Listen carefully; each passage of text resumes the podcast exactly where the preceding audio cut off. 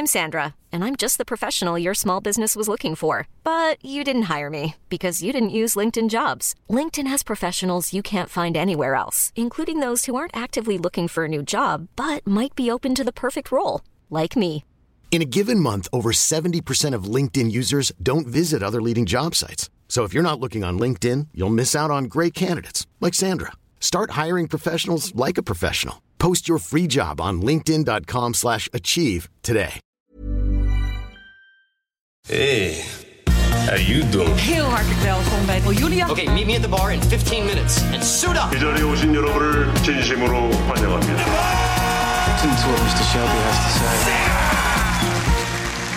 We zijn er weer, Content Wars, je favoriete podcast over de wereld achter de content. En ik mag dit gelukkig nog steeds doen met formatontwikkelaar Kirstian van Nieuwenhuizen. Hij is het eh, die ons elke week wijs maakt in formatland. Tikkeltje verkouden. Beetje. Barry White. Zoals je denkt, was dat wel heigerige stem? Saved your life. je alter ego. Hij is ook de man achter programma's als That's the Question, tv-makelaar Singletown. En hij zat in het team dat Big Brother ontwikkelde. Mijn naam is Jelle Maasbach. En deze aflevering hebben we een wel heel veelzijdige gast bij ons in de studio. Hij richtte samen met Dan Blazen productiebedrijf Blazowski op. Is zanger, had een hit in meerdere landen. Brouwt zijn eigen bier, jawel. En hij is weer te zien als presentator op Net 5. Dan heb ik het over Erik van der Hof. Welkom. Nou, eh, dankjewel. Dank jullie wel. Leuk om eh, Kirsten weer eens te zien. Ja, heel leuk Erik. En, en je vergeet één belangrijk ding. Want hij heeft een nieuw productiehuis. En dat is heel bijzonder. Daar gaan we het zo over hebben. Zeker, daar gaan we het ook eh, over hebben. Ja, ik zei het al voordat we de studio in liepen. Ik ken je van het woonprogramma Het Blok. Dat keek ik altijd. Ja. Maar vooral van eh, een nummer dat mijn vader al sinds ik hem ken eh, elke dag zingt.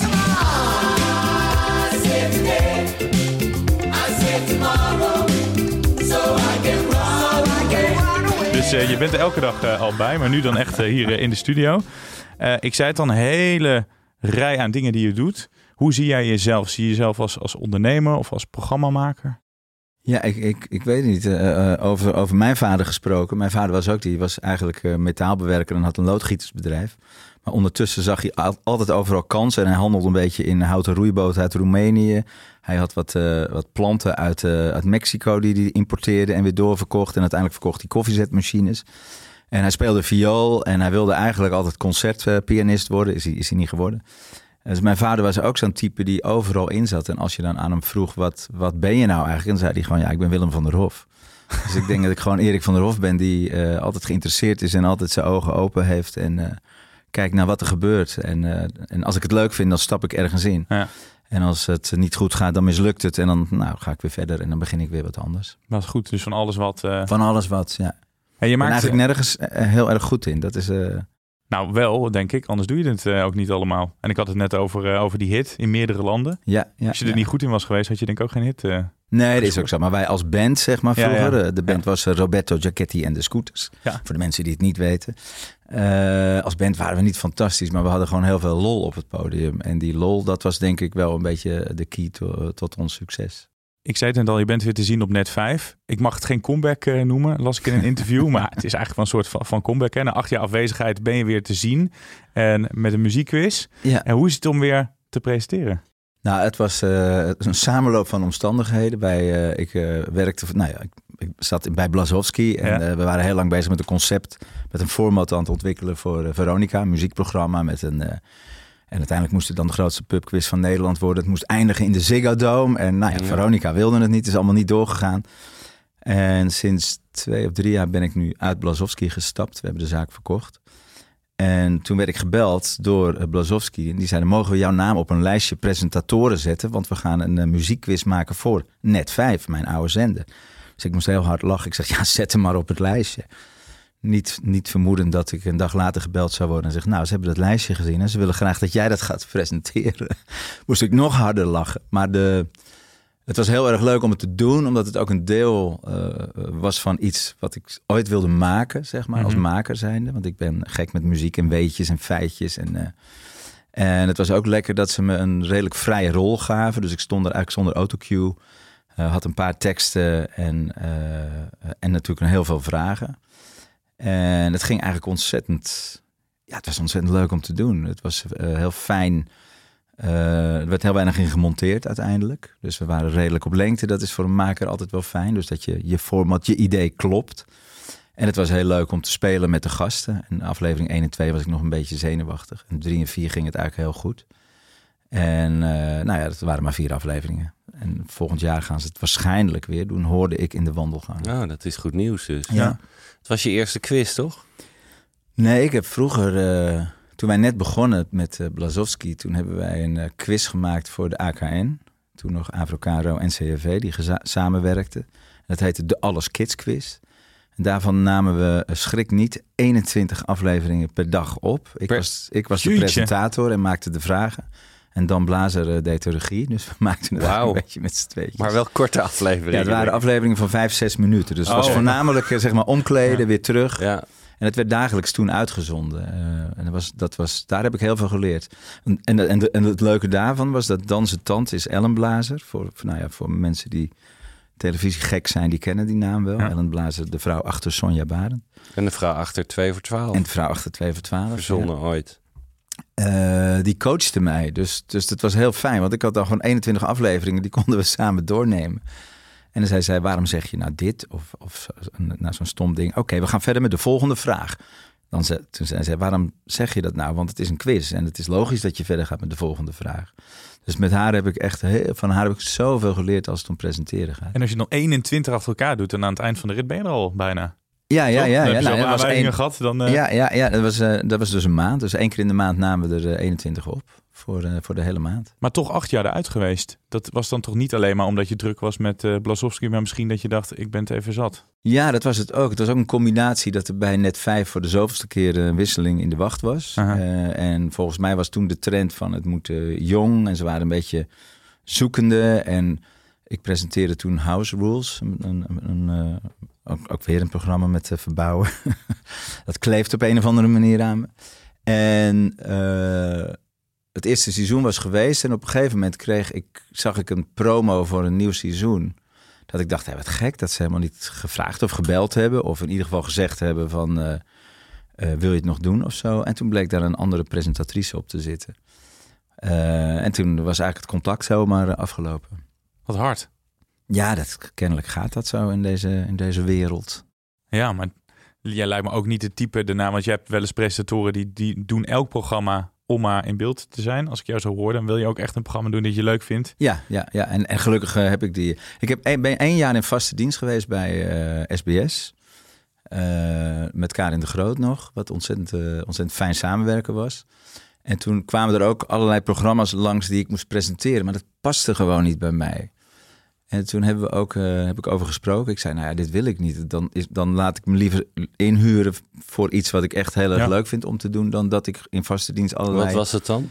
Ja, dat was een, een, een, een verschillende programma's. En dit was dan met eh, eigenlijk een soort rip-off van dat je familie in het buitenland woont en dat je dan die ging opzoeken. En dan, Ah, dan ja, breng ja. je de vrienden, of vrienden moest je bij elkaar brengen en zo.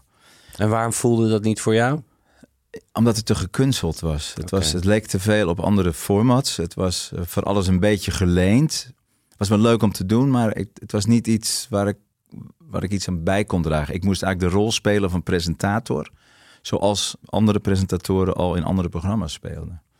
En bij het blok kon ik gewoon mezelf zijn. Ja. Bu- Buiten dan de, de, de, de finales, weet je, dat je mensen moet weg, eh, wegsturen of punten moet geven. Waarom, waarom komt het blok eigenlijk niet terug? Wat is daar de reden van? Want het was heel succesvol. Ja, het is toen gestopt in het jaar dat eh, SBS die panden aankocht en dat vervolgens de markt instortte. Dus ze hebben daar waarschijnlijk heel veel geld aan verloren. Het is een soort eh nachtmerrie wat ze nog, een Ik denk het traumaatje. wel, ja.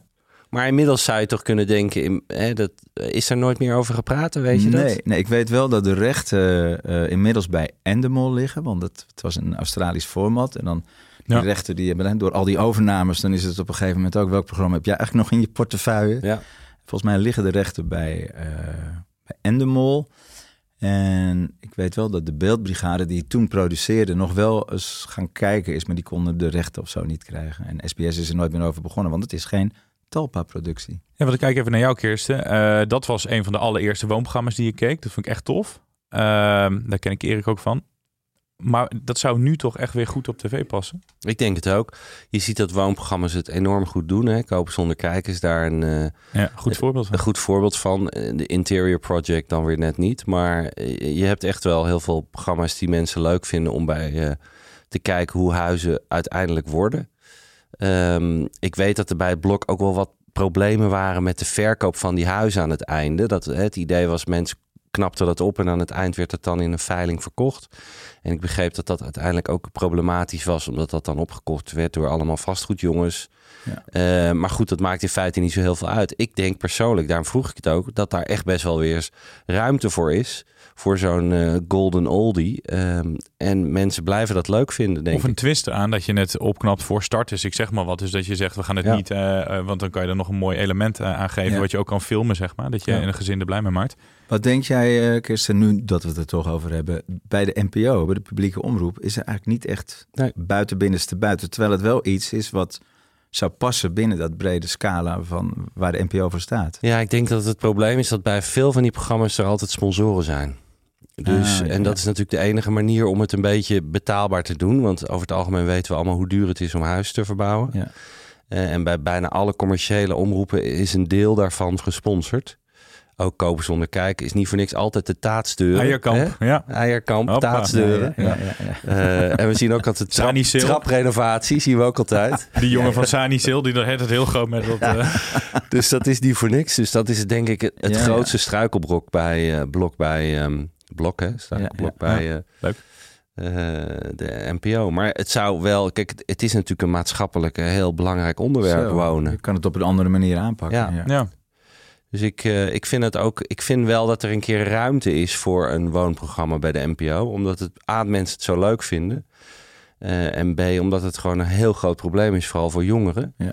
Dus als ze daar iets mee zouden kunnen doen, dan. eh, maar goed, dan wordt het lastige. De meeste mensen vinden dus die make-over heel leuk. Ja. En dat Ja, is nu ja, weer lastig. Je hebt het over kopen zonder kijken. Dat, dat is een van mijn lievelingsprogramma's. Maar het- dat, dat begin en dat ze huis gaan zoeken. En dat, dat, eh, dat die makelaar die je dan gaat bellen. En dat, dat acteerwerk, dat, dat vind ik niet leuk. Maar het verbouwen en die reactie daarna van die mensen. Dat, dat is eigenlijk het leukste. Wat ze, wat ze van dat huis weer maken. Ja. Nou, dat, is- er zit veel meer in het blok. Dus ik denk echt wel dat dat zou kunnen aanslaan. Ja. Ja, nou Ja, ja. en Blok was het natuurlijk was een mix van dat, al- dat Ja, allemaal. alles, ja. ja, ja. Maar is het zo dat als de NPO in één keer zegt... wij willen dat gaan maken en we willen jou erbij. Zou dat kunnen? Of, kan dat, of heb je je hart verpand aan, aan net 5?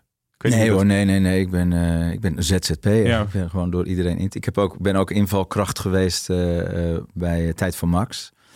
Als uh, Siebrand dan weer op Ja, pad moest klopt. voor Droomhuis gezocht, dan Oh ja, eh, heb ik je wel eens of, gezien. eh, ja, of Ja. eh, Mark Klein Essink. Wij met z'n tweeën roleerden dan. Vond ik ontzettend leuk om te doen. Sowieso omdat het live was. Eh, eh, ja, het was, eh, het was voor mij weer een heel nieuwe uitdaging. Dat je dan opeens live om vijf uur, dus 's morgens begon je met je voorbereiding. Dan had je je redactievergadering. En dat een hele week lang. Nou, ik vond dat heerlijk om te doen. Ja. Dat maakt het werken als... Ik ben zelf ook ZZP'er leuk. Dat is een goed bruggetje naar waar je nu mee bezig bent. Kirsten verklapt het al in het begin. Ja. Co-productie. Wat doen jullie? Ja, ja. De, de, Co-producent. co, de, De co-producent. de co-producent. Nou, toen, toen ik stopte bij uh, Blazowski, was ik eigenlijk wel een beetje klaar met televisie. En dan niet het vak televisie maken of conceptontwikkelingen, dat soort dingen. Maar meer uh, de hele verkoopstap. Het constant weer teruggestuurd worden om je formatje aan te passen. Uh, een week lang wachten op een, op een mailtje van iemand die gewoon was vergeten om te reageren op je pitch of dat soort dingen.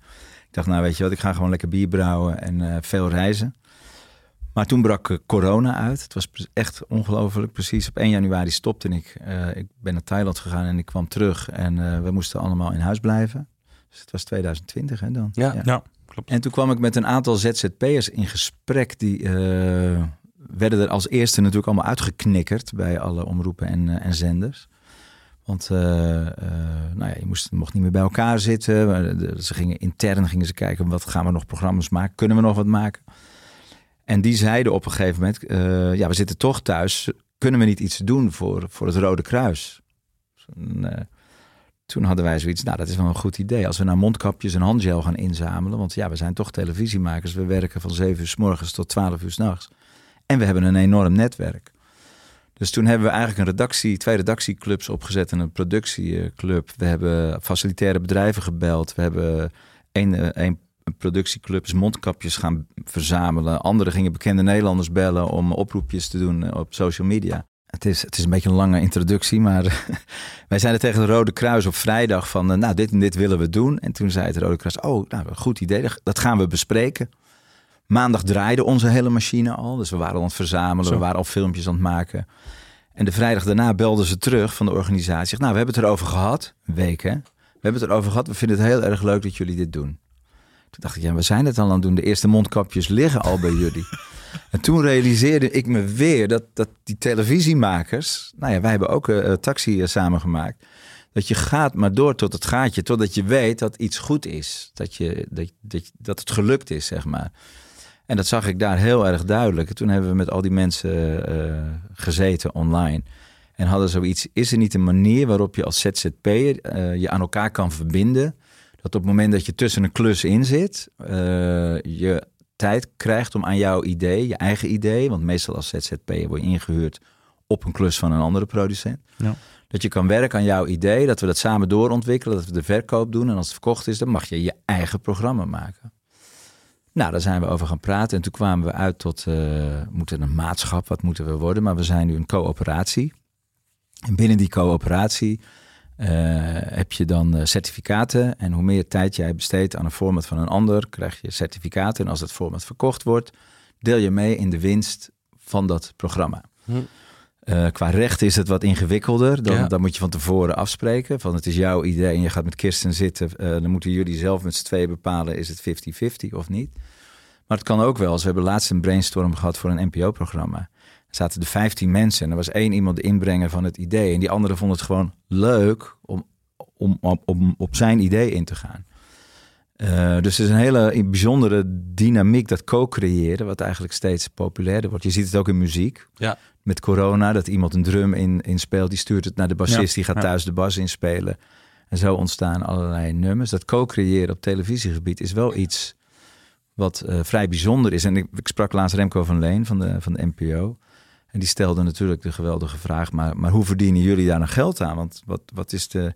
Zei, nou ja, wij verdienen ook geld, alleen een stuk minder dan dat je als dat je producent bent. Uh, Dan Blazer, mijn compagnon, zei bijvoorbeeld: Ik vind het een heel goed idee, maar waarom zou je de winst delen? terwijl, terwijl, ik denk dat je juist door dat delen, dat je ook een bepaalde betrokkenheid krijgt ja, van, ja. van mensen. Dus als het, hun eerste idee niet verkocht wordt, komen ze met een tweede idee en dan ga je uh, doorontwikkelen. Dus het, het, is, het is een. De, co, de co-producent is nog in ontwikkeling, maar we hebben wel al een aantal uh, nou ja, mooie programma's mogen maken. Het lijkt me, ik vind een, ten eerste een heel nobel uh, plan. Alleen het kan, ik kan me ook voorstellen dat op het moment dat er succes ontstaat en geld komt, dat er problemen komen. Want dan meestal is dat, ja. gaat dat samen. Hè? Dus wie, wie, ja, dan is mijn deel en jouw deel. En uh, heb je dat al meegemaakt? Ja, dat komt omdat we in het begin waren we uh, te vrij daarin. Maar nu aan de voorkant uh, geven we mensen een intentieverklaring van dit zijn de afspraken. Kijk ernaar. Als je wat wil veranderen, uh, verander dat dan. Dat zetten we dan op het, om in een contract op het moment dat het verkocht wordt. Dus we gaan geen juridische dingen doen voordat iets verkocht is. Maar je hebt wel een intentie waarin je uitspreekt wat de stappen zijn. Ja. En we hebben zelfs het grappige meegemaakt dat we hebben een programma gemaakt voor BNN-Vara. Uh, als co-producent. Dus BNN-Vara was de co-producent van een programma van ons. En het geld wat er overbleef, volgens onze afspraken, deel je met de partner, in dit geval BNN-Vara. Maar dat kan helemaal niet. Dus BNN-Vara, die mocht onze rekening sturen van een deel van de rechten. Want die waren, die waren van hun. Oh, wat heerlijk voor BNN-Vara. Ja, ja, ja, maar ja, dat is natuurlijk administratief, want ze mogen eigenlijk geen, geen, uh, geen geld verdienen. Dus uiteindelijk hebben we dat, geloof ik, ik weet niet meer precies, maar hebben we dat aan de jongen gemaakt die het idee bedacht had. Kreeg je die omroepen makkelijk mee in je plannen? Ze vinden het moeilijk. Ze zijn er twee dingen. Ze gaan, vind ik, te vaak voor proven successes. Dus er zijn, uh, nou, de Verraders is dan, is dan een, een, extreem ander voorbeeld. Maar over het algemeen, als er een keuze is tussen een in Nederland ontwikkeld format of iets wat door een van de grote molochen is aangekocht vanuit de portefeuille en het is een succes in vijf landen, dan vind ik dat de NPO te vaak daarvoor kiest. Ja. Ze zouden veel meer uh, onze eigen ontwikkel, uh, ja. ontwikkelafdelingen, de kleinere bedrijven kunnen ondersteunen. Want daar zit het talent van de toekomst. Um, en de tweede is dat zij, uh, wat was de vraag ook weer? Nou, of je die omroepen makkelijk meekrijgt in je... Ja, nou, zij vinden dat coöperatieve best wel ja. spannend. Want wie is de eindverantwoordelijke? Ja, nou, kan me voorstellen. ben ik de voorzitter en ben ik dus dan uiteindelijk de eindverantwoordelijke. En ze zouden het makkelijker vinden als wij gewoon een producent waren een, B, een ja. BV, zeg maar. Uh... Want je doet al 6000 dingen. Doe je dit dan ook echt uh, een aantal dagen in de week? Ja, in principe is dit en de bierbrouwerij is nu uh, wel waar al de hoofdmoot. de hoofdmoot, ja, ja. ja. En dan eh, het presenteren van quizzen komt er dan ook nog even soms. Ja, dat komt er ook af. te- Ja, en, en ik begreep, je gaat op tour weer. Dus er komt Ja, we gaan een wat theatertour bij. doen. Dus, dus, dus toevallig. Je bent, ja, niet, ja, je ja. bent niet heel vaak thuis te vinden dan. Ja, eh. het idee had ik vrij snel, want dat is wel het grappige. Zoals mijn, eh, mijn brein werkt. Het idee voor de tournee lag al heel snel op tafel. Maar nu moet ik hem nog helemaal gaan, gaan schrijven.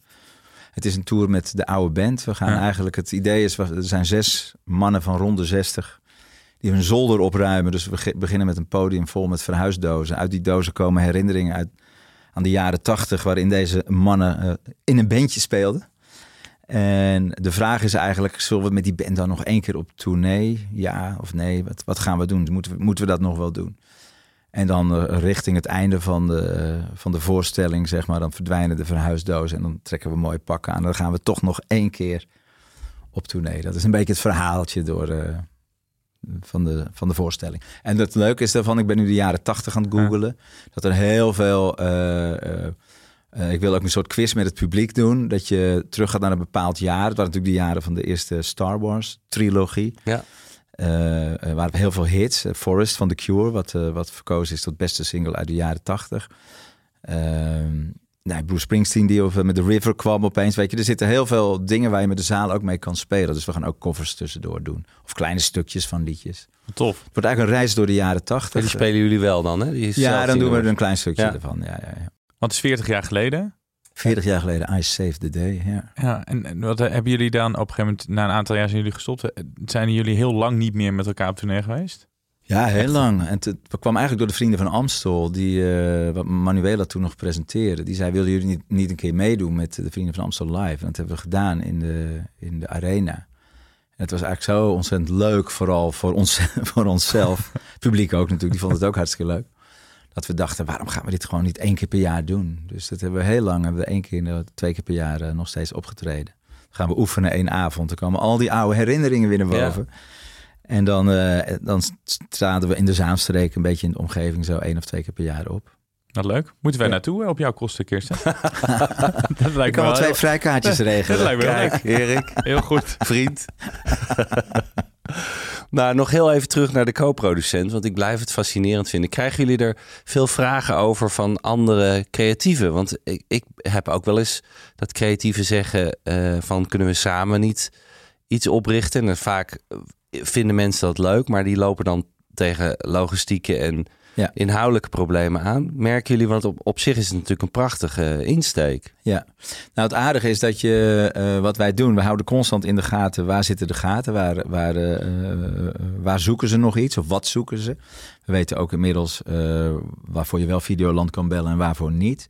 Dus aan de voorkant kun je al vrij snel zeggen, nou dit idee, daar willen we tijd en energie in stoppen. Of dit, na dat, dat komende jaren, eh, want soms heb je dat, dan zit bijvoorbeeld een bepaald thema, crime of wat, wat dan ook, zit dan al vol. Dus we kunnen aan de voorkant al zeggen, dat het is, daar moet je tijd in stoppen of niet. En op het moment dat we de tijd in stoppen, hebben wij natuurlijk die hele back-office. eh, Met vormgever, eh, we kunnen begrotingen voor je maken. De meeste ZZP'ers hebben nog nooit een begroting gezien. Weten ook helemaal niet wat overhead is of wat eh, eh, fee is. Of, eh, dus daar nemen, nemen we dan de makers in mee. En eh, sommigen die zeggen, nee hoor, daar hoef ik niks van te weten. Maar dan regelen wij eigenlijk alle andere stappen tot, tot aan de verkoop. Maar ko- komen er, kunnen er ZZP'ers van buitenaf met ideeën bij jullie komen? Oké. Zeker, ja, er gebeurt heel veel. Dat gebeurt veel. Ja, er gebeurt heel veel. Ja. En in het begin gingen we met iedereen in gesprek, omdat het een open organisatie is. Alleen we merken nu wel dat de ZZP'er ook wel eh, vrij opportunistisch is. En op het moment dat ze een klus kunnen krijgen, dan reageren ze niet meer. Of dan, en dan zitten wij daar maar te ontwikkelen aan zijn of haar format. Eh, dus we zijn wel iets selectiever geworden. En daarom ook de, de afspraken aan de voorkant. Ja. Dat je die aan de voorkant echt maakt. Is een soort van max uiteindelijk? Qua mensen of... eh, Nou, we zitten nu wel aan de max. We zijn nu met. we zitten in pitches. Twee programma's die we gaan maken. Grote programma's. En we zitten in vijf, zes, zes pitches. En we doen het nu met z'n drieën. Ja, dat is wel de max. Eigenlijk moet er iemand bij. Maar ja, dat betekent dat gaat dus weer van de winst af. ja. En je wilt Ja, je, zo. dat Je wilt echt zo. dat, dat, is dus Ja. wel dan Dat is het lastige. Ja. Je moet, je kan, er kan niet te veel mensen, Nee. want dan blijft er helemaal niks meer over en doe je het helemaal gratis. Juist, ja, dus je verwacht van de, de desbetreffende ZZP'er ook wel een, een inzet. Dat is wel, die moet wel een herschrijf doen. Dus vaak dat een omroep zegt van ja, hè, je hebt nu de genre managers. Ik zal er niet te veel over uitweiden. Maar dan, dan legt een omroep het neer bij eh, bijvoorbeeld documentaire, maar dan is het human interest. Of misschien is het wel kennis en educatie. Dus soms moet je drie verschillende versies indienen Ja. voordat het eh, op de goede plek landt. Eh, Begon, jouw, en- daar begon jouw eh, compagnon Dan Blaas ook over, volgens mij over de genre manager. ja, Ja, ja, ja, dan die is heeft natuurlijk nu, is nu ook even los van, van Ja. alles. Die zit lekker op een zeilboot, heerlijk. Eh, ja, dat is heel erg lastig. En er wordt van ons dan maar verwacht dat we maar weer opnieuw herschrijven. Ja. eh, Nog een keer herschrijven, nog een keer aanpassen. Eh, zonder dat daar een, een vergoeding tegenover staat. Wordt wel eens vergeten, maar er zit zo verschrikkelijk veel tijd in het ontwikkelen van een format, in het, in het, in het pitchen. Ja, nou ja, daar weet Kirsten Ja. natuurlijk ook Ja. eh, alles van. Nou ja, je merkt het, eh, een trend. Kijk, de- in Amerika zijn ze aan het staken, de, de schrijvers. Omdat ze het gevoel hebben dat ze een beetje het sluitstuk zijn van de, van de begroting. Er is onlangs is er een relletje geweest eigenlijk over eh, een fantastische documentaire. eh, van Kees Vliegt Uit. Ja. Waarin natuurlijk eh, de discussie was over de maker die gewoon haar rechten feitelijk soort van moest afstaan. Eh, jij merkt dat nu zelf, omdat je heel erg natuurlijk op de rechten zit. Wat Ja. vind je van die ontwikkeling daarvan? Eh, nou, ik vind dat er te weinig ontwikkeling in zit, Ja. eigenlijk. Er Eh, blijft te weinig over voor creatieven. Ja, mensen stoppen hun ziel en zaligheid. En, en in dit geval zijn we geloof ik al tien jaar bezig met die, Ja. eh, met die film. Ik heb zelf ook een programma eh, gemaakt. Ben, ben ik vijf jaar mee bezig geweest. Vijf jaar. Ieder jaar kwam ik ook weer terug bij de omroep. De Big Escape is dat. We hebben uiteindelijk vier seizoenen mogen maken. En al die tijd, dan pas je het maar aan en dan pas je het maar aan. En daar is niemand die... En een omroep zegt dan gewoon, ja oké, nou zoveel procent van de rechten voor ons. Omdat we het als eerste uitzenden. Eh, eigenlijk zou daar een heel andere modus. Wat wij bij de co-producent bijvoorbeeld doen, is dat wij zetten een gedeelte daarvan al in het budget. Dus op, als, je, als je zegt van, nou ja, eh, jij bent daarmee bezig geweest, dan vind ik ook dat je op een of andere manier daarvoor betaald moet krijgen. Ja. Dus komt er een post in het, eh, in het budget te staan waar eh, programmaontwikkeling eh, op staat. Ja. Vinden ze best gek. Nou ja, er zijn, zijn omroepen A. Die vragen natuurlijk rechten om het als eerste uit te zenden. Nou was er ooit de discussie dat dat maar 15% maximaal mocht zijn. Hè? Dat had de, de eh, stichting van eh, producenten. Nou, daar, volgens mij is daar nooit wat van Nee. terecht gekomen. want de meeste nee, omroepen willen 50% van de rechten hebben. Hè? Als, Zo. je, als ze het als eerste uitzenden. Maar heel veel omroepen zeggen ook... ja, voor het eerste seizoen betalen we geen rechten, geen license fee. Dus die andere 5% krijg je ook vaak niet het eerste seizoen. Omdat ze dan zeggen, ja, wij zenden het als eerste uit. Dus aan alle kanten merk je natuurlijk dat je steeds meer... en dan vaak heb je ook nog het probleem dat, dat nou, bijvoorbeeld streamers... die willen v- 100% Ja. van de rechten. Sommigen, niet allemaal ja, gelukkig. Ja, ja, klopt. Dus het is voor, voor heel veel creatieven... en dus hè, die schrijvers gaan niet voor niks in staking... is het gewoon heel lastig om nog wat over te houden... voor al je werk en je idee. En het start allemaal bij het idee. Ja. En wat ik me dan afvraag bij jullie allebei, jullie hebben allebei programma's of, ofwel ontwikkeld of gepresenteerd die succesvol zijn. Dus dan heb je een beetje een naam. Kan je dan iets meer afdwingen dan stel dat ik nou voor het eerst met een idee kom? Ik kan me voorstellen dat ik niet zoveel in de melk te brokkelen heb en heel veel moet afstaan. Maar kan jij bijvoorbeeld op een gegeven moment zeggen, Erik, ik wil, ik wil wat meer? Of werkt dat niet zo? Nou ja, dat werkt zo, omdat wij weten hoe het werkt. Maar als je dus rechtstreeks als, als ontwikkelaar naar een omroep gaat, je hebt geen idee. En dus, ja, we vinden het een fantastisch idee, dankjewel. Uh, je mag het ook zelf maken, dankjewel. Dat je niet eens nadenkt over, over rechten. Uh, dat je dat gewoon vergeet. Dat, Ja. dat, dat gebeurt ook heel vaak. Dus dat is ook bij zo'n ZZP. We leggen wel uit hoe dat werkt. Kijk, in de muziek is het van oudsher helder geregeld. Je schrijft een liedje. De ene is de tekstdichter, Ja. 33% De ander is uh, de componist, 33% En dan heb je de uitgever die ervoor zorgt dat het liedje wordt uitgegeven. Dat is, gaat al jarenlang uh, op die manier. Inmiddels zijn er dan gevechten met uh, co-writers en, uh, en dat soort En, dingen. en uh, artificial Ja. intelligence. Ja, ja, artificial intelligence. Ja. Bij televisie is het ook maar een kwestie van onderhandelen. Ja. Je weet eigenlijk wel dat als je format naar een beurs gaat om internationaal verkocht te worden, dat je dan sowieso 33% geloof ik, hè, zoiets, Zoiets, eh, ja. kwijt bent. Distributierechten. Distributierechten, ja. Ja, het is heel lastig om, om nog wat over te houden. Zeker tegenwoordig van, van ideeën. Daarom gaan mensen vaak zelf produceren. Ja. Zodat ze daar nog wat geld aan kunnen verdienen. Ja. Dus dat maakt het, uh, maakt het zo lastig. Nou ja, en ook voor die mensen, uh, de co-producent. We hebben bijvoorbeeld twee eenpitters. Twee, producenten die in hun eentje een productiebedrijfje hebben. En met wie wij samenwerken om, zodat zij zich kunnen focussen op het maken. En dat wij alle, alle shit eigenlijk weghalen. Dus de contracten en de begrotingen en de onderhandelingen en de ploegen inhuren en de feitelijke productie doen. Eh, want dat gebeurt als je als Ja. één pitter wil overleven. Dat kan hè. Als je twee programma's per jaar hebt en je doet het met z'n tweetje, dan kan je er wel van leven. Moet je wel keihard werken. Maar het is natuurlijk heel fijn als je iets kan maken en ondertussen kan doorontwikkelen. Maar die tijd heb je gewoon niet. Nee.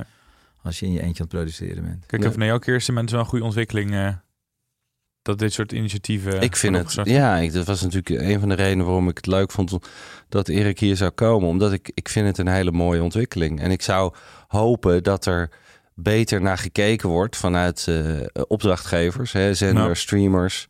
Om in dit soort eh, eh, samenwerkingen eigenlijk eh, te werken. Ja. Dat is voor de creativiteit in Nederland goed. Er wordt nu heel erg gepraat over dat er een deel van de omzet van streamers terug moet naar, naar Nederland. Ze hebben het over 5%, wat eigenlijk eh godsbe is dat dat 5% is. Ik geloof dat het in Frankrijk 15% is. Ja. En daar moeten ze in Nederland al heel erg over discussiëren. Terwijl eigenlijk mo- moet je dat gewoon eh, verplicht stellen. Dat er gewoon geld teruggaat naar de creatieve Ja, sector. ja, want je investeert in de, in de, in de toekomst. Anders is er, Ja. komt er geen nieuw talent meer. Nee. En Nederland staat niet voor niks natuurlijk hoog, omdat wij zijn een creatief land. We kunnen in principe heel goed internationaal verkopen. Alleen als dat, als dat niet meer lonend wordt voor creatieven, dan gaat het op een gegeven moment. Je ziet al dat het best wel aan het verschuiven is. Dus heel veel gaat naar Azië toe. Hè. We hebben het vaker over gehad, Zuid-Korea. Je ziet steeds meer formats. En de Verraders is dan een hartstikke mooi voorbeeld om weer eventjes dat we weer eventjes eh, ons laten zien. Maar over het algemeen was het niet, geen vetpot hoor, internationaal. Nederland heeft niet heel veel internationaal verkocht de laatste jaren. En dat is mede eh, een uitkomst van, van dit beleid. Dat, dat creatieven zo weinig beloond worden. Nou, we staan nog in de top drie, maar Ja, ja, ja. Nou ja, bij de NPO zoeken ze natuurlijk ook al heel lang naar een tweede Wie is de Mol. En de verraders eh, zit dan bij een andere eh, zender. ja. Maar ja, dan zou je toch kunnen zeggen, zet wat mensen bij elkaar, eh, investeer wat. In plaats van dat al die productiebedrijven zijn nu allemaal aan het pitchen op dat Ja. Wie is de Mol-achtige genre. Als je daar een aantal mensen bij elkaar zet en je investeert daar echt in, in plaats van dat die productiebedrijven dat allemaal moeten doen, dan zou je kunnen doorontwikkelen. En als je dan zo'n programma ook drie of vier seizoenen de tijd geeft om zich door te ontwikkelen. En je bent als eh, omroep, want dat vind ik wel, als je erin investeert in de ontwikkeling, dan ben je dus ook mede-eigenaar Ja. van de rechten. Maar dan vind ik het ook eerlijk. Dan is het ja. interessant om Ja. internationaal Ja. te verkopen. Dan hou je er ook nog wat aan over. Ja, ik ben eh, gigantisch fan van de Vlaamse variant van Wie is de Ja, Mol. ja, ja. Als je dat hebt gezien, dan wil je de Nederlandse niet meer... eh vooral dit seizoen was echt ongekend goed. Ja. Maar Jij het hebt, zou toch mooi... ook, jij hebt ook nog meegedaan, toch? Ik heb eh, seizoen 10 heb ik, eh, meegedaan. Ja. Hoe ver ben je gekomen? De aflevering voor de finale. Oh, dat is zuur. Ja, dat is heel zuur. En ik, ik, eh, ik had eh, Frits Sissing eh, heeft toen gewonnen. En Frits en ik deelden alle informatie. Het was het seizoen waar ook Arjen Lubach dacht dat ik de mol was. Terwijl ik met Arjen ook al mijn informatie deelde. Ja. Maar die heeft al die tijd gedacht van ja, lekker jij met je informatie delen. Tot het moment dat hij eruit vloog en dat hij mij aankeek. Want hij had al zijn, alles op mij gezet. En toen zei ik alleen maar ja, want daarna mag, spreek je elkaar niet meer natuurlijk. Dus ik, ja, Nee. ik heb het je verteld man. Ja, ik was het niet. Ja, en toen eh, dan, dan moet je twintig vragen over de identiteit van de mol invullen. Ja. ja, Frits en ik wisten allebei wie de mol was. En ik denk, weet je wat, ik ga het gewoon heel snel doen. Want dan, als je ze allemaal goed hebt, dan gaat het op tijd. Zeker, Dus degene ja. die het snelst gedaan heeft. En toen, had ik, eh, toen, toen ging ik er dus uit. En toen zei Anton Jongstra, die toen nog eindredactie deed, die zegt... eh, Erik, je had twee fouten, man. Dus ik denk, oh, kut, had ik nou maar gewoon meer nagedacht. Dan, Dat was ja uiteindelijk. dat was verschrikkelijk om daar... eh, Zo'n druk lijkt me oh, dat inderdaad ook. verschrikkelijk. Want ja. eh, mocht je nog de Vlaamse versie, ja, ik kan me niet voorstellen, maar stel dat je die eh, nog niet hebt gezien, de finale, moet je nu even doorspoelen.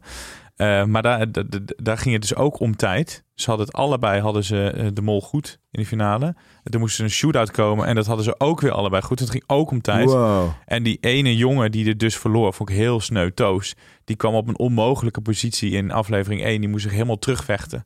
En die zat al heel snel op uiteindelijk de, eh, degene die de mol was. Eh, maar en dat je dan op, op tijd, dus op, op, onder die druk dat je afvalt. Dat lijkt me zo Ja. zuur. Ik had ook echt medelijden met die jongen. Nou ja, het was, er was een moment, en dan gaan we het helemaal over wie is de mol hebben. Maar er was een moment waarop, eh na het tweede spel wist ik eigenlijk al wel wie de Ja? mol was. Want je gaat gewoon elimineren. En ik ben een spelle, spelletjes maken, dus dan, dan denk ik bij het eerste spel, oké, er zijn drie plekken waar de mol kan zitten. Waar ik zit, samen met Tim. Nee, dat, dat, daar zit de mol in ieder geval niet. Op die brug, ja, daar gaat hij ook niet staan. Want op die brug kan je eigenlijk helemaal niet mollen. Dus die- ze zetten die niet op die Nee. brug neer. Het is alleen een bootje, daar zitten vier mensen op. En daar, eh, hè, dus een van die vier moet gewoon de mol zijn. Dat is eh, in, in mijn geval mijn, eh, mijn Sherlock Holmes-achtige Ja. redenatie. Je kunt, je kunt hierin meekomen. Dan Ja. vervolgens denk denk ik, nou dan ga ik die vier mensen uittesten. Bij het tweede spel ging ik de eerste uittesten en die maakte een foutje. En ik zei er wat van en zij kreeg een heel rood hoofd, Kim Pieters. En toen dacht ik, en toen zei ik ook tegen, ah, jij bent de mol. Met z'n nog, nog, nog. Hoe weet je dat? Hoe weet je dat? Het, hoeft toch helemaal niet? En eh, nou, toen ben ik daarop door gaan zetten. En ik had Frits Sissing, eh, zeg maar, als eh, vertrouwenspersoon meegenomen. En toen was er een moment in een barretje. Het was in Japan en we zaten sushi te eten. En Frits zat met zijn boekje en ik zat met mijn molboekje. En hij zit zo te kijken en hij denkt, godverdomme, al die molacties, daar zat, daar zat jij steeds bij. En hij kijkt me aan en zegt, volgens mij ben jij de mol. En toen had ik natuurlijk moeten zeggen van, eh, ja, Frits mag niet verder vertellen. Ja, Want dan had hij volledig op mij gegaan. Dan had ik geen haast hoeven te maken. Dan had ik Wie is de Mol gewonnen. ja. En terwijl je uiteindelijk, jij bent programmamaker, zou je denken, ja, inderdaad. Maar toen was je net niet scherp genoeg. Nee, ik, was, ik kan heel moeilijk liegen. Dat is mijn... Ah, eh, eh, ik had gewoon... De, achteraf, toen ik in bed lag, dacht ik ook daarna... Ik denk, oh, ik had me gewoon face strak moeten houden. En gewoon moeten zeggen, "Sst, niet, weet je wel. Ja. Niet verder vertellen. Want dan ga jij het winnen.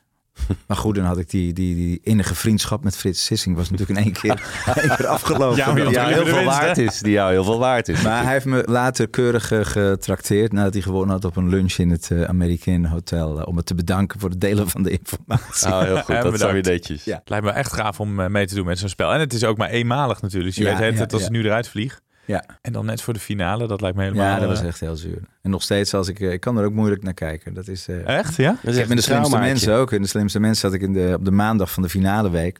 En op die maandag vloog ik eruit. Nou ja, als ik nu het muziekje alleen al hoor, dan denk ik, ah, verschrikkelijk. Ja, dat is. eh, Je bent heel competitief dus eigenlijk. Ja, ja, ja. Nou, dat, is- dat is goed, Ja, vind ik. ja. Hou ik van. Oh, wat goed. Maar dan ga je dus niet meer meedoen aan zo'n programma. Of zeg nee, je nee, nee. drie ik- keer scheepsrecht? Ja, nee, nee, nee, nee, nee. Ik was laatst ook gevraagd voor, eh, voor een programma dat ik denk, ja, daar, eh, daar hoef ik niet De verraders ga je niet te meedoen bijvoorbeeld. Ja, de Verraders heeft natuurlijk, dat heeft een heel, een, een, een heel eh, ander karakter. ja, een andere dynamiek, ja. Ja, het is wel een beetje hetzelfde gevoel natuurlijk als Wie is de Mol. Ja, ja, daar hoor ik ook van mensen Ja. die daar... eh, Alleen weet je wat ik het verschil vind aan de verraders? Dan moeten ze met z'n allen moeten ze een opdracht doen. En het leuke aan de, aan de Vlaamse en de Nederlandse variant van Wie is de Mol is dat er gemold kan worden. Dat je één iemand is een saboteur. Daar werken ze allemaal samen. Ja. Ja, Dus je moet uiteindelijk moet je de iemand, de verraders moet je eruit spelen. Maar dan overdag werk je weer samen met opdracht. En dat ja, ja, klopt. voelt minder ja. leuk of zo. Ja, terwijl het zo leuk is om in die opdracht ervoor te zorgen dat jij, Ja. dat jij verdacht wordt of dat je het zonder Ja, te veel op te vallen. Ja. Dat, is het, dat vond ik wel het leuke van Wie is de Mol. Is er wel nog een programma waar je wel nog aan mee zou willen doen? Ehm, Of wat je heel graag zou willen maken, zou ook kunnen. Nou, ik, ik, ik heb de Big Escape eh, bedacht en gemaakt. En ik hou van eh, spelletjes ontwikkelen, maar Ja. ook die, die structuren van hoe kan je mensen eh, op zo'n manier in een situatie te krijgen dat ze elkaar gaan verdenken. Of juist informatie met elkaar delen. En zoiets zou ik nog wel heel graag willen, willen maken en aan, aan, echt aan, aan werken. We zijn, we zijn wel een beetje zo aan het werken, maar ik, ik heb ook het idee dat als je Wie is de Mol hebt meegedaan, dat je of wij als makers misschien, dat we soms te ver doordenken. Dat we iets aan het maken zijn of aan het bedenken zijn... wat de mensen thuis gewoon niet meer snappen. Eh, dus iedere keer moet ik mezelf ook... want de verraders is natuurlijk, ja, het- vanaf het begin... Oh, ik heb, oh, ik heb iets mee... Oeh, primeur. Oh, dat mag ik helemaal niet vertellen. Ik heb meegedaan met het programma. Ja. Eigenlijk puur om te kijken... of zou ik het wel zeggen? Ja, ja, doe maar. Mhm, mhm. Ja, oké. Nou, eh, Gewoon zeggen, Erik. of heb ik nou een contract getekend? Nee, joh. zeggen? Nou ja, het is een programma waarvan je van het eerste shot gewoon weet hoe helder het is. Ik zal de titel niet noemen, maar ik zal het omschrijven. Dan Ja. moeten jullie de titel ook niet noemen. Eh, je doet met heel veel mensen spelletjes en ieder spelletje valt er één af. Ja. Het leek me zo interessant om mee te doen, om eens te kijken hoe zit die dynamiek, hoe wordt het geproduceerd, Ja. eh, wat gebeurt er achter de scherm, wat gebruiken ze van de reality en wat niet. En ik zal niet vertellen hoe ver ik ben gekomen, maar het was zo interessant om te zien dat je op zo'n simpele manier televisie kan maken waar eh, heel veel mensen geboeid naar zitten te kijken. Dat ik denk, oh, wat zitten wij soms moeilijk, Terwijl het zo simpel is eigenlijk. te denken. Ja. Ja. Ja, Het zijn gewoon Maar het simpele basisidee spelletjes. is een Vlaams idee. Dus dat is op zich... eh, Er komt toch een goed idee vandaan. ja, daar komen echt heel veel Hoe goede kan dat? ideeën, Ja. Ik denk dat zij bij, eh, bij de omroepen meer eh in huis kijken, dus, dus zelf ontwikkelen. Dus is het een Vlaams idee in plaats van iets uit het buitenland komen. Je hebt natuurlijk zo'n zo'n host gehad van Woestijnvis, die groep mensen die allemaal zijn uitgezworven. Ja. Eh, die allemaal nog aan het doorontwikkelen zijn eh, zelf. En die ook veel dingen mogen maken op tv. De, de Koppensbroertjes bijvoorbeeld met de, Met eh, nou, de verschillende projecten die wij doen. Eh, in Nederland is dat niet zo, omdat nou, nou, net wat ik zei, ze hebben liever een, een proven format dan, dan een nieuw ontwikkeld format. En ik denk dat ze in België daar net anders in zijn. Ja, dat geloof ik ook. Ja, ze, Misschien ze we- laten veel meer ontwikkelen. Ze geven veel meer makers een kans om iets te maken. En als het niet, niet werkt, dan proberen ze nog een seizoen met aanpassingen. En hier is het ja, gewoon vrij snel verdwijnt iets. Of, of, of ze, ze investeren niet eens in eh, nieuwe dingen. Nog steeds wel grappig dat wij boven België staan dan. Dat vroeg laatst een luisteraar aan mij van waarom staan wij nog steeds boven België? Ja, België is wel. Nou, ik weet niet precies waarom dat is. En soms eh, heb ik het gevoel dat die lijstjes ook niet helemaal kloppen. Want we staan al heel lang op, top, op de top drie. En we hebben jaren... Big Brother en The Voice. Ja, het zijn ja, gaat aantal- natuurlijk om, om omzet, Omzet, omzetmatig. omzet, is ja. dat, Ja. eh, En de Verraders gaat nu ook heel goed. Dus dat tikt ook eh, Ja. lekker aan. Ja, Grote producties zijn het ook. Terwijl Belgische formats zijn vaak kleinere formats. ja Die en wel zij hebben, heel, eh, heel origineel zijn. Ja, wat jij zegt bijvoorbeeld over Wie is de Mol België, dat, dat die beter is. Zij hebben een bepaalde tone of voice of humor. Eh, ze hadden toen ook een programma Radio Gaga. Ja. Ik weet niet of, Ja. jullie, of Ja. dat jullie Ja. iets Ja. zegt. Eh, en dat is in Nederland ook gemaakt. Maar in Nederland kiezen ze dan voor twee discjockeys van, eh, van 3FM die dat gaan maken. Maar die hebben niet... Nee. Die, is- dus het format klopt wel, maar het hangt heel erg aan die twee presentatoren die, die het maken. En niks te nadelen van jou, want ik vind het echt leuk dat je hier bent. Maar het- ik vind de kracht van de Vlaamse variant ook dat er geen BN'ers in zitten. Ja, Maar dat is persoonlijk. Dat is- maar dat heeft Nederland wel een tijdje gedaan. de eerste vier, vijf ja, jaar. en daarna zijn eh, ze overgeschakeld. Want Ja. de, het gros van de kijker is helemaal niet zoals ik. Die wil gewoon BN'ers zien. Hè? Dat heb je Ja. me ook wel eens uitgelegd. Ja, helaas toch is dat leuk, zo. Ja. Helaas is dat zo. Ja, nou ja, goed, Erik, kijk, bij, de, bij eh, nu het onbekende hebben ze natuurlijk een team van onbekenden en een team van bekende Nederlanders. Dus daar proberen ze het al een Oh, ja, beetje ja. half om half te doen. De Engelse versie van de Verraders heeft net alle grote prijzen Ja, in Engeland ja, gewonnen. ja, de. BAFTA, die is met onbekende Engelsen. Dat schijnt de beste versie te zijn van alle Verraders. Moet nog Dus je- kijken. Op Videoland kan je die zien. Die is, die is echt fantastisch. Eh, dat is gewoon met hele leuke characters hebben ze die gevonden. Maar we hebben het vorige week over gehad. Casting, hè? casting is key. Eh, dan moet je echt heel goed op zoek naar de juiste mensen. En daar moet je ook veel geld voor uittrekken. En Ja. helaas doen veel eh, omroepen... die geven daar niet genoeg geld voor om die casting heel goed te doen. Nog los van het feit dat we natuurlijk een relatief klein landje zijn. Daar staat tegenover dat ze in België nog kleiner zijn... en Ja. toch die characters Ja, weten te ja, vinden. Ja, Ja. ja. Maar ik vind nog steeds een grappig gegeven, Erik, dat je dus meedoet met een programma om dan te kijken hoe ze het maken en hoe het principe werkt. Ja, het was is ook heel grappig. grappig om te zien dat ik als producent, want op een gegeven moment kwam er iemand van de desbetreffende zender, waar ik de naam niet mag noemen, maar daar zit ik vaak bij te pitchen. Die komt zo de set oplopen. Ze hadden al gehoord dat ik meedeed, maar die, ja, die moest natuurlijk dat ik daar. was. dus al, al die andere mensen als producent eh, spelletjes aan het spelen was. Daar moest hij heel hard om lachen. Maar ze vonden het wel heel erg, eh, heel erg grappig. Vond je het een leuk spelletje? Sommigen wel en sommigen niet. Ja. Je speelt heel veel spelletjes. Ik denk dat ik weet waar het over Oké, gaat. ja, ja, ja. Dus, en, en sommige zijn te lullig voor, eh, voor Ja. woorden. Maar de- wat jij zegt, dat, dat ho- hoeft vaak niet hoeft, heel... nee, je hoeft niks Nee. uit te leggen. Dat Nee. is gewoon, er is één iemand altijd het laatst. Ja. En die valt dan af. Ja, want jij bent zelf ook bezig met het pitchen van een, eh, van een format. Kan ik ook dan niet zoveel Nou, over meerdere, ja. En mijn vriend heeft als kandidaat heeft hij eh, bij Kirsten, die was helemaal weg van het, eh, van het spel. Ja. Maar dan moet je gewoon heel vaak Maar die heeft de test, eh, test gedaan, of niet? Ja, en de Office Run-Through was hij kandidaat. Ah, Oké. Ehm, maar dat is inderdaad een quiz. Dus een- bij een quiz geldt het weer, is het weer net iets anders dan een, een fysiek spelletjesprogramma. Ja, ja, ja. Ja. Eh, en bij quizzen geldt toch vaak dat je moet zoeken op een beetje originele manier waarop je de quiz Ja. speelt. Want recht toe recht aan vragen stellen is toch vaak te weinig. Dus daar, eh, daar zijn weer andere eisen. Maar bij fysieke spelletjes ja, hoeft het vaak helemaal niet heel bijzonder Nee, te nee, zijn. Nee, nee, nee. Wat vind jij van het 50-50? Van, eh, wat al dagenlang, eh, wat jarenlang loopt, geloof ik, bij SBS? Ja, oh, bij, ja, bij SBS, Van, ja. Is het het een of is het het ander? Ja, ik vind dat wel heel erg simpel, moet ik eerlijk zeggen. Ik vind dat niet persoonlijk niet zo'n sterk format. Grappig genoeg heb ik ook een format ooit ontwikkeld wat heette 50-50, Oh, wat veel, Oh. veel beter was. Eh, Shout-out naar jouw ja. versie. Dat was een grotere show. Dat was de officiële spin-off van Who Wants to Be a Millionaire. Er is maar één spin-off geweest van Who Wants to Be a Millionaire. hebben wij gemaakt. Dat heette 50-50. En dat was een veel, eh, echt een, een, een heel eh, een veel slimmer format. Eh, en toen ze er hier begonnen bij Talpen, dacht ik ook even... hey, spelletje met dezelfde titel, kan dat? Maar goed, ja. Dat, eh, Naam ja, dat dan kan, want zij bedenken Qua- hetzelfde en ze zetten het op kan eigen je- zender. ja. qua naam kan je dat nog wel gebruiken, inderdaad. Het, het goede dat Erik dit zegt, wel, want de, ik, ik zag bij Tina dat er een, een spin-off komt van Miljoenenjacht, maar dan op een eiland. Ja.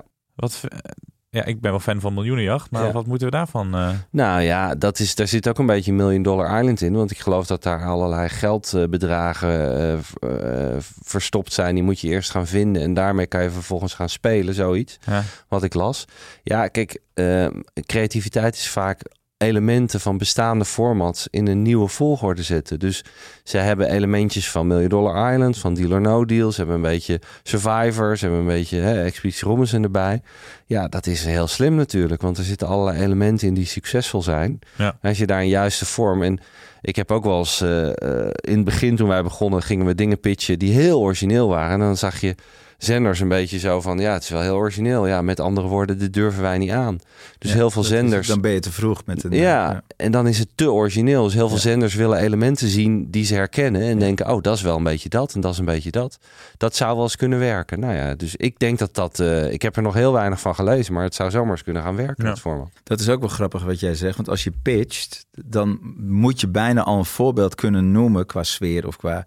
Anders valt bij veel mensen aan wie je pitcht het kwartje gewoon niet. Want dan heb je dus iets origineels. En dat, dat snappen ze dan gewoon niet. En, dan, en dat, daar kan ik me dan als pitcher aan ergeren. Maar dan, dan moet ik toch die elementen zien te zoeken. Ja. Ja, het lijkt een beetje op dit en een beetje Oh ja, op dat. dat moet je altijd in je achterhoofd Ja, want dan, dan Ja. valt bij hun het kwartje. Oh, dus het is op een eiland met mensen in bikinis. En eh, oh, oké.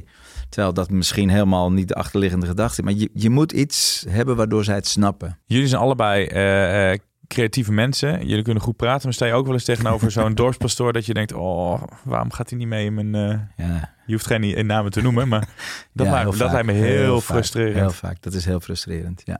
Dat iemand je idee niet snapt. Of te weinig televisieervaring, maakervaring heeft. Zelfs op die plek? Het gebeurt nog steeds dat, dat dan, ja, het gebeurt nog steeds wel eens. Ik kan weet nog met dat, dat wij Toren C pitchten. Eh, we hadden een promo gemaakt. Toren C hadden drie, vier sketches opgenomen. Nou, ze lagen helemaal dubbel. En dat ze serieus zeiden eh, voor de zomer, dus in mei pitchten we het. Oh, kunnen we die dan in september al eh, een serie hebben? Terwijl we hadden maar drie scènes geschreven, die meiden. Het moest nog geschreven Ja. worden. Moest nog een Ja. productieteam. In, in drie gewoon- maanden, vier ja, maanden. dus toen zeiden, Ah, toen zeiden wij van, ja, toen zeiden wij van, ja, het kan, maar dan volgend jaar eh, september. En dat, daar waren ze echt van, nou, volgend jaar, maar dat kan toch? Nee, Nee. we willen iets, we willen het in één keer goed, goed, goed Ja. doen. Dus het gebeurt nog steeds dat je iets pitcht en dan willen ze het eerst heel lang niet hebben, dus of je hoort lang niks. En opeens is er een gat ergens en dan zeggen ze, oh, dat programma willen we toch wel hebben. Kan het over vier maanden opgeleverd worden? Ja, nou, het gaat niet. Er zijn producenten die doen het. Kijk, je bent nu met de co-producent bezig, maar zou je eigenlijk niet eh, zo iemand zoals jij op die plek moeten hebben, zodat je je kan verdiepen in, in de makers? Ja, maar dat is niet een plek waar ik heel graag zou nee, dat, dat snap ik, Ja. maar eh, laat ik hem anders formuleren. Meer creatieve mensen op die plek dan Nou, neerzetten. mensen die kunnen inzien of kunnen inschatten of iets gaat werken, ook al is het iets nieuws wat er nog niet Ja. Dat zij vechten voor de ruimte eh, eh, binnen zo'n eh, programmering. Want daar gaan zij zelf niet over, daar gaan andere mensen over. Dat zij denken, nou, dit, is, dit moeten wij gewoon doen. Ook namens de omroep, hè, want Ja. de omroepen worden er steeds minder belangrijk daarin. Maar dat zou wel heel fijn zijn, ja. ja. Zou je het ook lachen vinden als een type als Kirsten Jan daar zou zitten bij de, bij de NPO? Ja. Dat lijkt wel hilarisch. Die, die, die dan te- tegen iedereen zegt, ah, heb ik al een keer bedacht. Ja, heb ik al bedacht. zelf al bedacht. Ja, alleen maar Werkt van niet. mezelf te op die zender gooien. zou heel leuk zijn. Het is voor John de Mol. En Ja, dan, John de Mol, eh, maar dan bij de NPO. Ja, ja, ja. Maar het is moeilijk. Ik zie het ook dubbel, niet eh, gebeuren hoor. Ik zie het ook niet gebeuren, Jelle. Ja, het is dubbel, dubbel hard werk. En soms, soms wel een beetje frustrerend. En die, maar die frustratie moet je natuurlijk niet laten blijken. Die, eh, maar het is, eh, ja, eh, eh, we komen er moeizaam doorheen, laat ik het zo zeggen. Wij zijn niet de enige producent, maar er zijn heel veel producenten die er moeizaam doorheen komen. Jij zei al, er wordt, als we kijken naar de toekomst, mogelijk gesproken over een, een tweede seizoen van de Grote Muziekquiz. Zijn er nog andere dingen die jij heel graag de komende tijd nog wil presenteren of gaat pre- presenteren? Dat je zegt, ik heb nog een primeur. Volgende week begint dit of dit. Nee, niet dat ik weet. Ja, ik had laatst, het was heel grappig, ik sprak iemand van, van Omroep Max. En die zei, eh, oh wat leuk, ik, hoor in, ik hoorde in de wandelgangen dat jij binnenkort voor ons een eh, programma gaat doen. Ik denk, oh, dat, ja, En wist je dan Eh, niet? Dat weet, ik, dat weet ik helemaal niet. Nee, maar waarschijnlijk zijn er dan van die lijstjes. Dat, eh, eh, en als je dan weer op tv bent, dan kom je weer op veel Ja. lijstjes. Want ik merkte ook dat er dan allerlei programma's gaan Ja. bellen van wil je meedoen met dit spel, Ja. wil je meedoen met dat spel, wil je.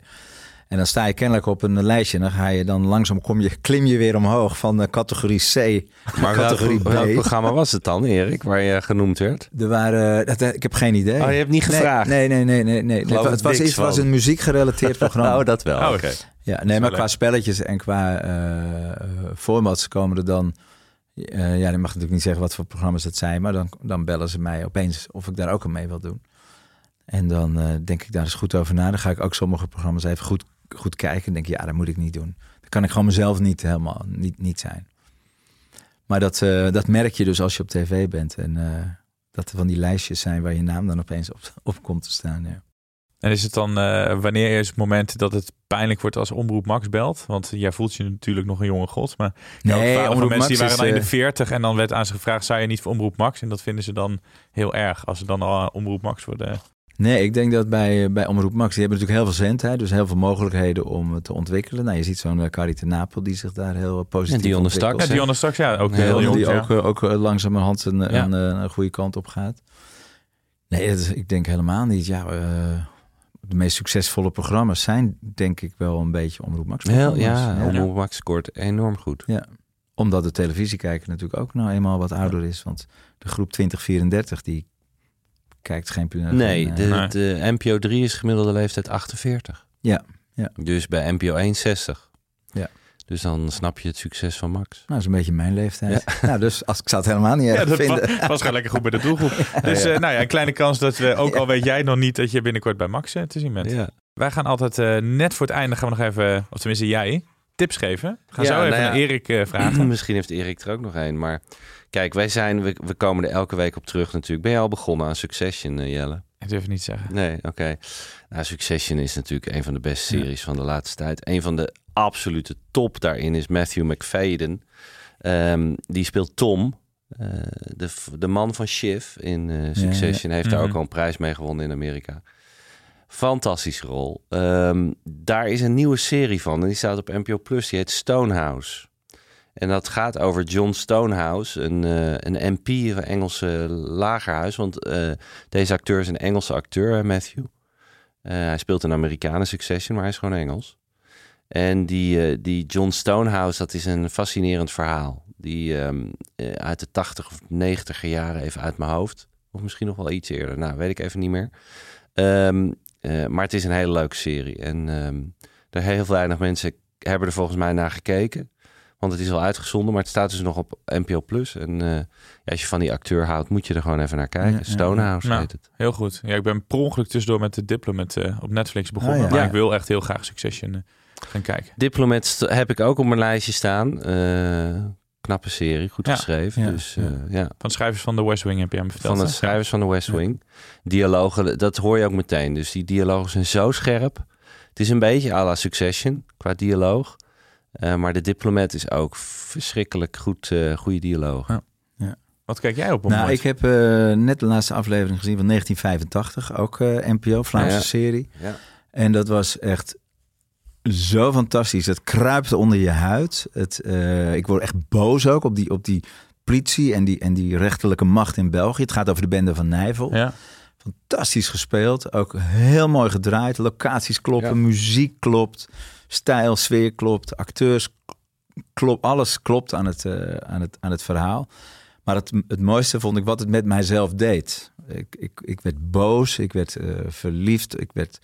Er gebeurt zoveel met je. En het allerergste is natuurlijk dat die hele zaak, die bende van Nijvel, is nog steeds niet opgelost. Dus je zit te kijken naar iets waarvan je, waar, waar gewoon geen einde aan zit.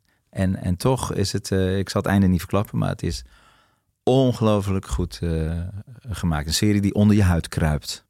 Ja, en volgens mij begint hij binnenkort bij de VPRO. Dus hij staat op NPO Plus, maar ze gaan Oh, hij is niet op tv Oh. Oh, Nee, dus bij de VPRO gaat het lopen. Ik moet even kijken. Maar als je hem dus NPO Plus niet hebt, kan je hem gaan volgen. Neem Ja. hem op. Ja. Want het is echt een... eh, Neem hem op. Ja, op je harde schijf, toch? Ja, dus, Ja, je kan hem gewoon van opnemen. Sorry. Dat we dan denken dat jij nog Beetje met video VHS, een beetje Nee, Betamax. Betamax. voor de oude onder ons, voor de 60-plussers. Video 2000 had je ook nog, hè? Ja, Video 2000, ja.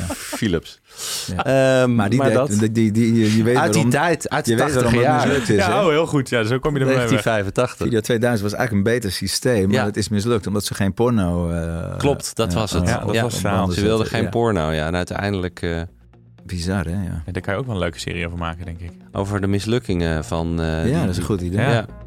Nou, misschien een keer Nee, leuk om over te hebben na de aflevering. Erik van der Hof, goed dat je er was. Dankjewel. Graag gedaan. Christian, jij ook bedankt. En eh, we zijn er volgende week weer. Hè? Gezellig, ja, heel leuk. Tot volgende week.